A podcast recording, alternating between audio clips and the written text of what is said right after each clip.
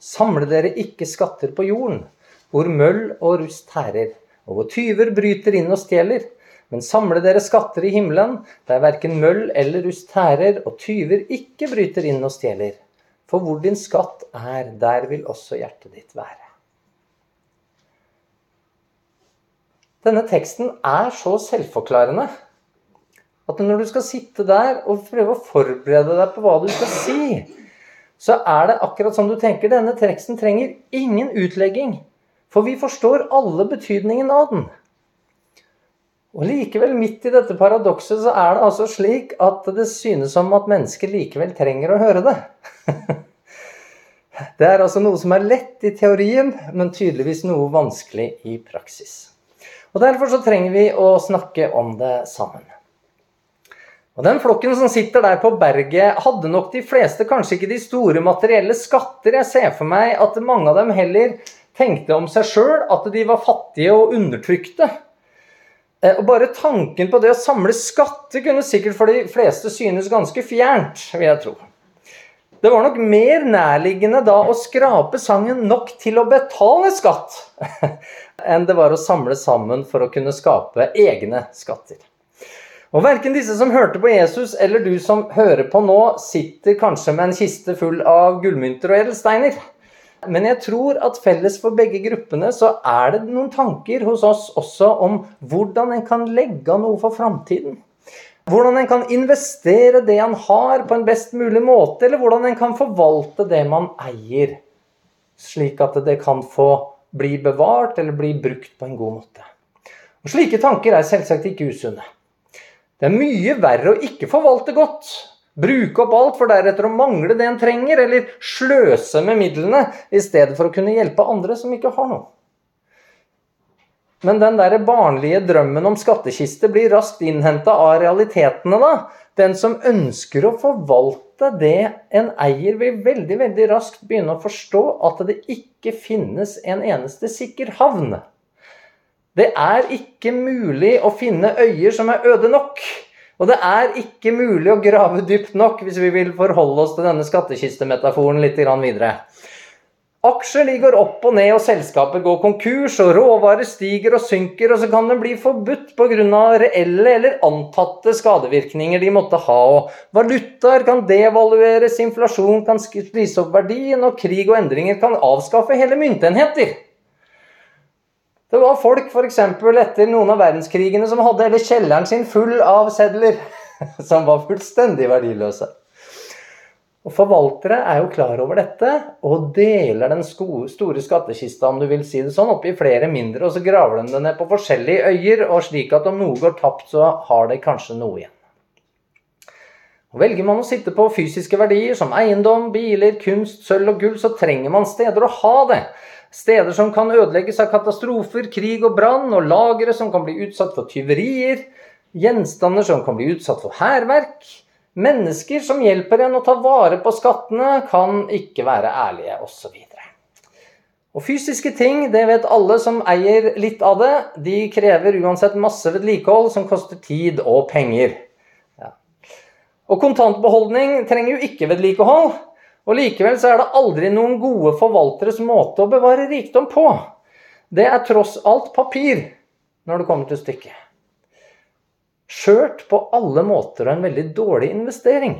Det blir litt som den nedgravde talenten. Den får ikke virke. Den skaper ikke verdier. Og vår tid Vi forbruker masse ressurser på ting som også er dårlige investeringer fordi det har så utrolig kort levetid. Altså Den tekniske verden som vi er en del av, er vel omtrent den minst holdbare som noensinne har eksistert. Vi er blitt et bruk- og kastsamfunn der det meste gårestykker er utdatert eller ubrukelig i løpet av bare ti år. Det er bare å tenke etter. Hvor mange her er det som har mobil som er ti år? Det er kanskje noen? Hurra for de. Masseproduksjon gir jo heller ikke normalt noe samleverdi. På Jesus sin tid så kunne skatten den kunne bestå faktisk av klærne man sto og gikk i. fordi Før masseproduksjonen av klær kom, så var jo det en stor investering. Og det var et statussymbol, akkurat som det er for mange også i vår tid. Og folk kunne faktisk sy inn gull å bruke gulltråder og sy inn i klærne sine. Eh, både for å vise seg fram, men også som en måte å rett og slett bevare verdien på. For det var noe du tross alt alltid gikk på og hadde på deg, eh, som gjorde at det var ikke fullt så enkelt å ta det heller, uten at det var forholdsvis innlysende både at du ble tatt, og hvem som tok det. Så det var en måte å bevare verdier på. Og Vi kan lese i Bibelen også sant, om at folk gravde ned skatter i åkre og, og sånne type ting. Det var en måte å bevare ting på. Og så var det andre som samla skatter da i form av matlagre, slik som korn og vin. Mat som man lagra for å kunne leve av det i framtida. Og alt dette var jo selvsagt også utsatt for tyverier og katastrofer og møll som spiste opp tekstilen, og mus og rotter som spiste opp kornet. Om man ikke har så mye skatter, så er ofte holdningene slik at man lengter og strekker seg mot rikdom og skatter. Og de som ikke har evne eller gidder å arbeide for å skaffe seg rikdom, dem drømmer gjerne om å vinne i Lotto, eller på andre måter skaffe seg ting og skatter eller rikdom på en lettvint måte. Ofte da i form av at en nettopp skal få slippe å arbeide mer, men såkalt leve livet. Det har jeg aldri helt forstått, fordi det livet virker for meg fryktelig kjedelig. Men det er nå bare meg. Men akkurat disse tankene er veldig usunne. Fordi arbeid er en av Guds gode skaperordninger. Det er noe vi burde omfavne, tale godt om, løfte høyt i samfunn og som enkeltmennesker og i familie. Det er udelt positivt for mennesker med arbeid. Så vet vi det kan slite oss ut, og det kan ha sine virkninger. Men generelt så er arbeid en veldig god ting. Og det er alltid arbeid som skaper verdier. Og dersom man kommer over verdier uten arbeid, så er det fordi at noen andre har arbeida for å skape de verdiene. Nesten alle mennesker som får verdier uten eget arbeid, de vil som regel, eh, ser vi på statistikken, miste det nesten like fort som de fikk det. Og det ironisk nok ved sitt eget arbeid denne gangen. det kan jo gå bedre for noen, da, hvis de er fornuftige nok til å kanskje la andre forvalte det, og er heldig nok til å ikke møte på noen som da svindler deg for alt du eier og har. Det er ganske mange eksempler på det også. Nei, alle Jesu tilhørere, enten de sitter på berget eller lever nå, de trenger å bli minna om en ting. De trenger å bli minna om selve virkeligheten. Den sanne virkeligheten som også var virkelig for mennesker før mennesker hadde forstått den. Den gangen det ikke sto i noe fysikk- eller kjemibok, men bare i bøkenes bok, i Bibelen, Alt det skapte er lagt under forgjengelighet. Verden er gjort klar til å avvikles fordi menneskets natur er ødelagt av lovbrudd. Og den ondskap som kommer av det, tillater ikke Gud å vare en evig realitet. Og takk og lov for det. Det er en av de virkelig gode ting at Gud ikke tillater det å få vare evig. Og dette er en sannhet allikevel som mennesker, på tross at jeg da nettopp står og priser denne sannheten, som de fleste ønsker å glemme, ønsker å utsette, ønsker å undertrykke sannheten av, ønsker å motarbeide på alle mulige måter. Og Vi kan finne det på, på forskjellig vis, men du har filosofer, de har drømt om evig univers. Religioner har drømt opp gjenfødelse og evig frelse for alle. Og såkalt vitenskap har fantasert fra milliarder av år streng teori med univers som fødsler i, i uendelige tall, og sorte hull til hvite hull der nye univers popper ut, og, og også en utvikling som på tross av at det ikke finnes noe intelligens, intet mål, mening eller bestemt retning, likevel på mystisk vis går mot mer kompleksitet og orden mot noe man fantaserer om er bedre, på tross av at objektive grunnlag for å kunne definere hva som er bra, og hva som er dårlig, ikke eksisterer. Det er ganske godt gjort, egentlig. Alt sammen er et resultat av en verden som ikke vil ha noe med Gud å gjøre. Motsatte tanker av hva Bibelen vitner om, og fordi Bibelens Gud også er skaper av alt som eksisterer, så går det mot helt observerbare fakta. Fakta som vitner om at det slett ikke er en utvikling mot noe bedre, men en langsom avvikling av det som eksisterer. Og Nå kjenner mennesket til akkurat dette fordi vi har kartlagt naturlover og måtte gi Bibelen rett i dens tale om forgjengeligheten av alt det skapte. Men på tross av det, på tross av at alle også vet at de skal dø en dag, så klamrer man seg likevel til så mye ting. Man putter i seg Botox, plastiske operasjoner og trening og helsekost og et håp om at vitenskapen skal klare å finne kuren mot alderdom. Og de mer pessimistiske de overbeviser seg selv om at døden er endelig, og etterpå så er det ingenting. Og begge grupper skaper seg rom og argumenter for å kunne fortsette å samle seg skatter på jorden. Jeg håper at du som hører dette, tør å ta inn over deg realitetene. At du tør å godta dem slik du faktisk erfarer dem, og alle rundt deg erfarer det. Møll og rust de tærer jo ikke bare på skattene som er utenfor deg, men på din egen kropp. La derfor heller ikke kroppen bli en skatt for deg. Et tempel av forfengelighet, siden kroppen også er under forgjengelighet. Å forvalte det du eier på en god måte, enten det er lite eller mye, det er nyttig. Men det må altså forvaltes innenfor en rett virkelighetsforståelse, ellers så blir det nyttig til veldig lite. Og Slik er det også med kroppen, sier Bibelen. I Timoteus 4, vers 8. For kroppslig øving er nyttig til lite, men Guds frykt er nyttig til alt. Den har løfte både for dette livet og for det som kommer.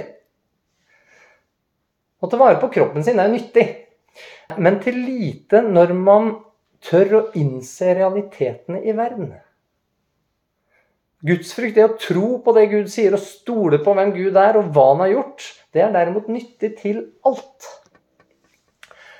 Det skaper i et menneske et håp som på tross av at man har turt da, å ta inn over seg realiteten i verden, forgjengeligheten, lidelsen, sykdommen og døden, så gjør det at man likevel, på tross av alt dette, får lov til å løfte blikket.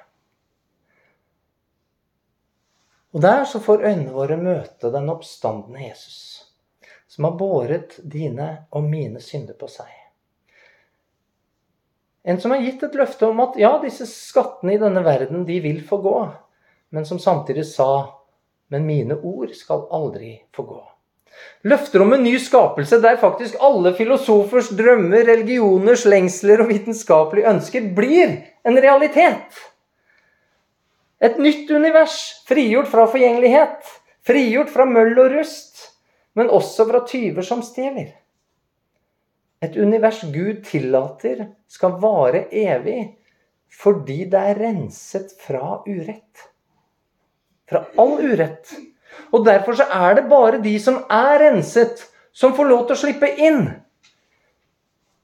For ellers så blir Jesus gjort til en løgner.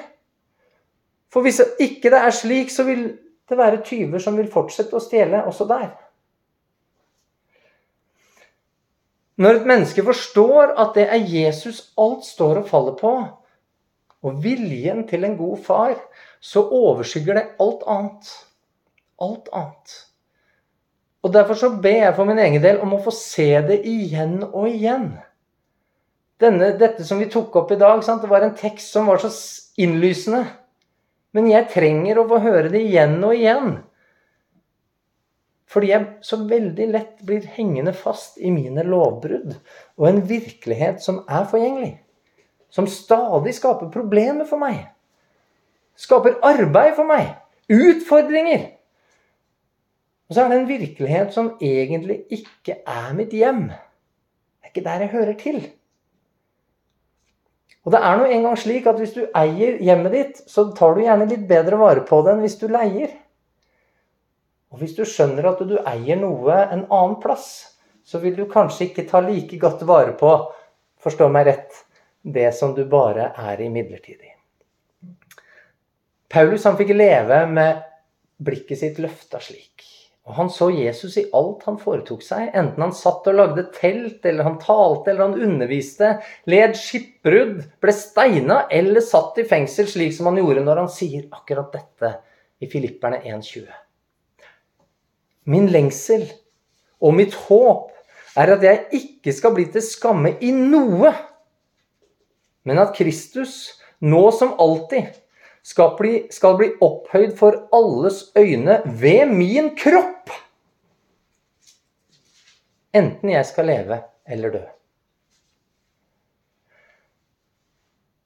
Paulus hadde løst seg fri fra materielle og eksterne ting. Han samla ikke på skatter som møll og rust kunne tære på her på jorden. Han var fornøyd, sier han, med det han hadde. Om han hadde lite, eller om han hadde overflod, så fant han velvære og tilfredshet i det.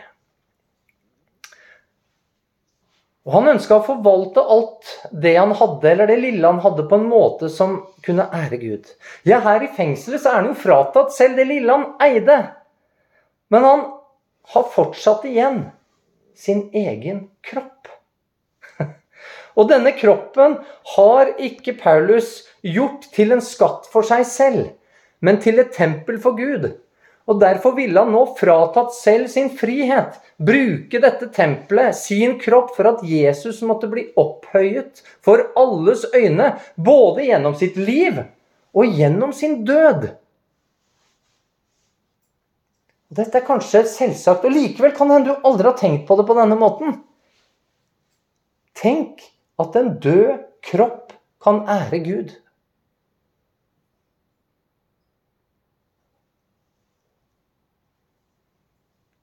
Det er ingenting som har æret Gud mer enn en død kropp. En kropp som hang på korset. For din og min skyld. Og så sitter Paulus der i fengselet uten noen skatter og gleder seg. Han gleder seg over at navnet Jesus blir forkynt. Ja, selv om noen av de som gjør det, gjør det av misunnelse og gjør det for at Paulus skal få det bare enda verre, der han sitter fengsla. Paulus hadde sett noe. Sett Jesus på veien til Damaskus. Han var blitt så blenda av lyset fra hans herlighet at det ble umulig å se noe som helst etterpå. Ja da, han ble blind. Men selv når han fikk syn igjen, så fortsatte hans øyne å se dette lyset. For det hadde opplyst hans hjerte med sann kjærlighet, kunnskap, visdom og håp. Han hadde fått sett sannheten om virkeligheten. Så fortsetter Jesus i Matteus 6. Øyet er legemets lys. Er ditt øye friskt, da vil hele ditt legeme være opplyst. Tør du å la Gud gjennom sitt ord få åpne ditt øye? Tør du å se realitetene i verden? Realiteten om deg selv? Det er ganske skummelt å gi slipp på livbøyen en klamrer seg til. Selv om du vet at den livbøyen bare vil holde en kort stund. Selv om du vet at den livbøyen ikke vil vare, så er det skummelt å slippe den om den bare holder deg flytende et minutt til, så vil det være skummelt å slippe den. Det er skummelt å slippe taket selv om du ser fyrtårnene der i det fjerne. Fordi det krever alltid tillit til alternativet. Og det kan ta tid. Om skattene dine på jorden, uansett om det er rikdom, utdannelse, status, utseende, egen fysikk eller livsledsager, som er din livbøye, så er det tøft å innse forgjengeligheten i dem. Innse at de ikke kan gi deg det du trenger, det du egentlig trenger. Eller hjelpe deg i møte med det som er uunngåelig. Om du ser dette og, og likevel ikke slipper taket, så er jo valget ditt tatt. Da har skatten din avgjort hvor ditt hjerte blir. Men Jesus han fortsetter å si, men om ditt øye er sykt, da blir hele legemet mørkt. Er nå selve lyset i deg mørke? Hvor dypt blir da mørket? Om du ikke engang ser hvor forgjengelig alt er, ondskapen som bor i ditt eget hjerte, så er det fordi du dekker ditt eget øye. Da er, da er det noe som er sykt. For den realiteten er mer virkelig enn noe annet som du erfarer. Og jeg erfarer. Det er egentlig ikke mulig å ikke se det. Og det må jo bety at det som skulle gi lys og innsikt, er ødelagt. Og da er det virkelig mørkt.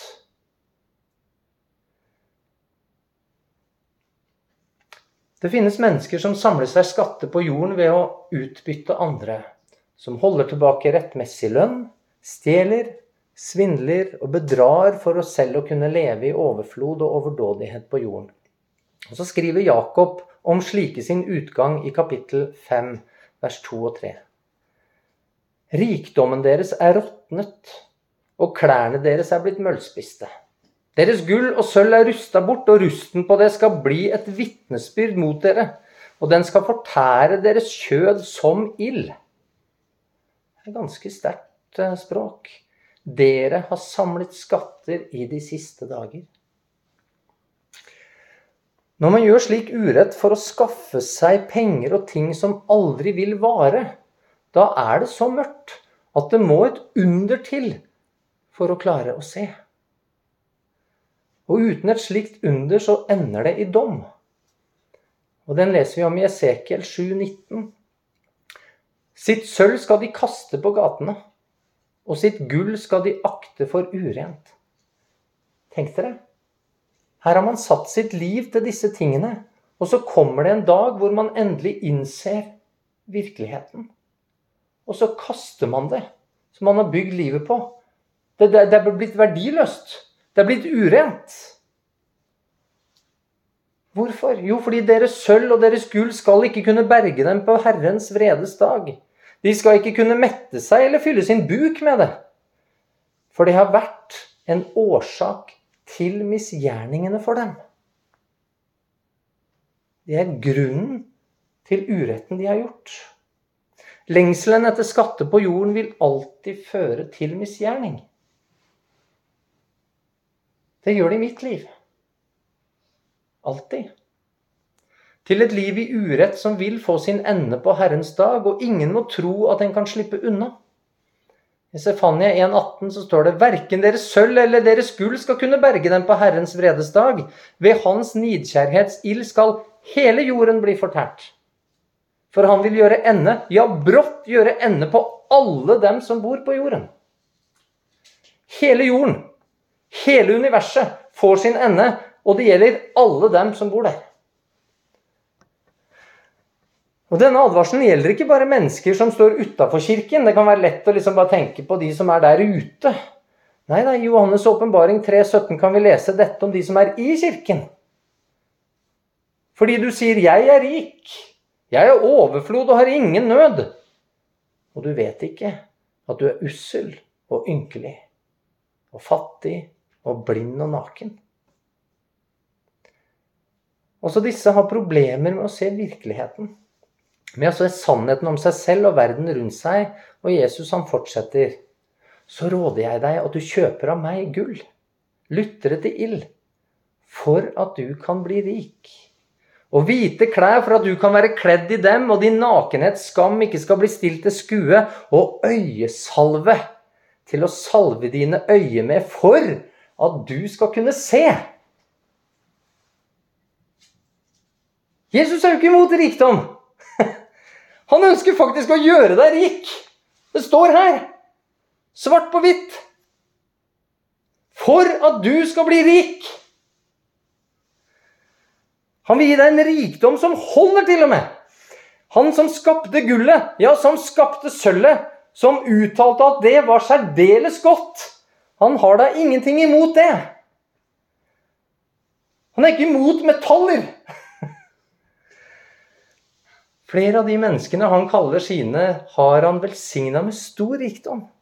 Der rikdommen imidlertid blir en avgud, der rikdommen blir en oppsamling for å slutte å arbeide, for å late seg, for å slutte å bry seg om andre, for bare å tenke på seg selv, for å nyte sin pensjonisttilværelse, der, der det blir altså meningen med livet, der det blir livbøyen, der blir det alltid til en snare og noe som står Gud imot.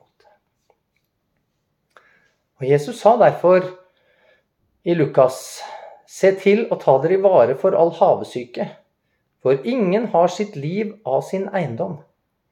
Ingen har sitt liv av sin eiendom. Det burde være forholdsvis klar tale. Selv om han har overflod, En rik mann fikk stor avling av jorden sin. Da tenkte han ved seg selv, hva skal jeg gjøre? Jeg har jo ikke rom nok til å samle avlingen min i. Og han sa, dette vil jeg gjøre. Jeg vil rive ned låvebygningene mine og bygge større. Der vil jeg samle hele min avling og mitt gods.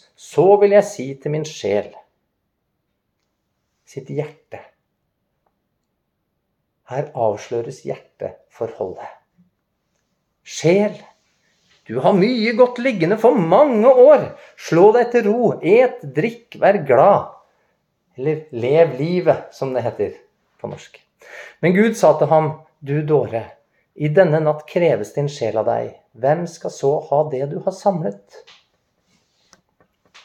Slik er det med den som samler seg skatter og ikke er rik i Gud. Jesus har ingen problemer med at denne bonden er rik. Han uttaler ingen dom over det. Men måten han så på denne rikdommen, ble til død for ham. I dette perspektivet, i dette mørket, så er det altså ikke tilfeldig at Bibelen bringer inn lys. Det er ikke tilfeldig at Bibelen vitner om en Jesus som helbreder de blinde så de får syn igjen. Det er ikke tilfeldig at Paulus blir kalt på akkurat den måten han blir kalt på. Ut av mørket og inn i hans store lys. Det er ikke tilfeldig at Jesus stoppa opp akkurat ved det treet der hvor Sakkeus sitter. Han som hadde brukt livet sitt på å utnytte andre til egen vinning. Det er ikke tilfeldig at Jesus ble lagt i en rik manns grav. Jesus han kan helbrede. Og når han kan helbrede noen som er født blind bare ved ord, så kan han i sannhet gi synet igjen til den som er åndelig blind, og som fornekter og ikke klarer å se virkeligheten. Når man ser virkeligheten, så blir det å fortsette å samle skatter på jorden helt meningsløst. Men så trenger rikdom likevel ikke å være meningsløs. Det leser vi om i Timoteus 1 kapittel 6, 17-19. Du skal pålegge dem som er rike i denne verden, at de ikke skal være overmodige. Og heller ikke skal de sette sitt håp til den usikre rikdommen, men til Gud, Han som rikelig gir oss alle ting til vårt bruk. De skal gjøre det gode, være rike på gode gjerninger, være gavmilde og gjerne dele med andre. Slik samler de seg en skatt og legger en god grunnvoll for framtiden. For at de kan gripe det sanne livet. Og Jeg vet ikke om du har tenkt på det, eller om du catcha dette nå når jeg leste det. Men tenk at den rikdommen du besitter på jorden, ikke bare kan og bør forvaltes godt. Den kan investeres slik at den rikdommen blir forvandlet til en annen rikdom. Den kan brukes slik at du samler deg skatter. Evige skatter. En skatt i himmelen. Fikk du med deg det?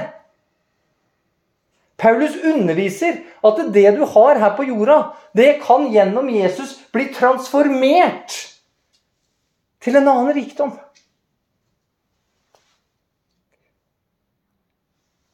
Tenk, venner, at slike forgjengelige ting kan bli evige verdier når det er så lite viktig som det egentlig er. Så burde vi kanskje likevel ikke være så overraska, burde vi? For i Jesus er døden og forgjengeligheten oppslukt til seier. En går fra døden til livet. Jesu forgjengelige kropp ble forvandlet til en uforgjengelig kropp. Og slik går det med alle som tror på Han, og som holder Hans ord og Hans bud. Og når vi ser virkeligheten, så skjønner vi at den største skatten vi har fått, det er Guds ord. Og det er det eneste vi har som allerede varer evig. Og når selv, venner, våre forgjengelige verdier kan bli omgjort til himmelske skatter Bare tenk da hvor mye mer gode investeringer av ordet kan få lov til å multipliseres til uendelige store og evige skatter. Der ditt hjerte er, er skatten din. Og Jeg håper derfor at ditt hjerte stadig er å finne i dette ordet. At du ikke graver det ned, men du investerer det. For denne skatten er ulik alle andre skatter som vi har snakka litt om. Hvor forgjengelig og hvor vanskelig det er, og det var ikke nok øde øyer og ikke dype nok kull og ingenting. Men investerer du dette, så er du garantert avkastning. Garantert avkastning. Ja, den gjør det til og med slik at om du bruker av dine jordiske skatter, ja, din egen kropp, og investerer dem i lyset fra dette ordet, så omgjøres også dette, på tross av sin forgjengelighet, til evige skatter og noe som kan ære Han som skapte både sølvet og gullet og kroppen din. Kjære Herre, vi takker deg for denne forunderlige og fantastiske forvandling som du kan gjøre med ting som er døde, og som på mange måter ikke har noe verdi i seg selv. Ja, du sier om oss at vi er støv. Men i lyset fra ditt ord, Herre, i lyset fra din fantastiske nåde, i lyset fra din uforgjengelige gave, så kan til og med det forvandles til evige skatter, Herre. Til verdier som vil ha Man kan glede seg over i en evighet. Og Herre, måtte du la oss få se det igjen. Måtte du la oss få lov til å leve et liv som blir slik at vi med Paulus som sitter der og ikke eier nåla i veggen, og har til og med fratatt sin frihet, men hans kropp skal fortsatt få lov til å ære deg. Ja, om den kroppen selv var død, så skulle den få ære deg. Ja, dette er så stort, Herre. Han, han, er et forbilde for oss, Så vi ber, Far, om at vi kunne få bli og få en slik tanke om vårt liv og det vi eier, og den kroppen vi har fått av deg. Må vi få lov til å leve det, dette ut i den uka som ligger foran, i Jesu navn.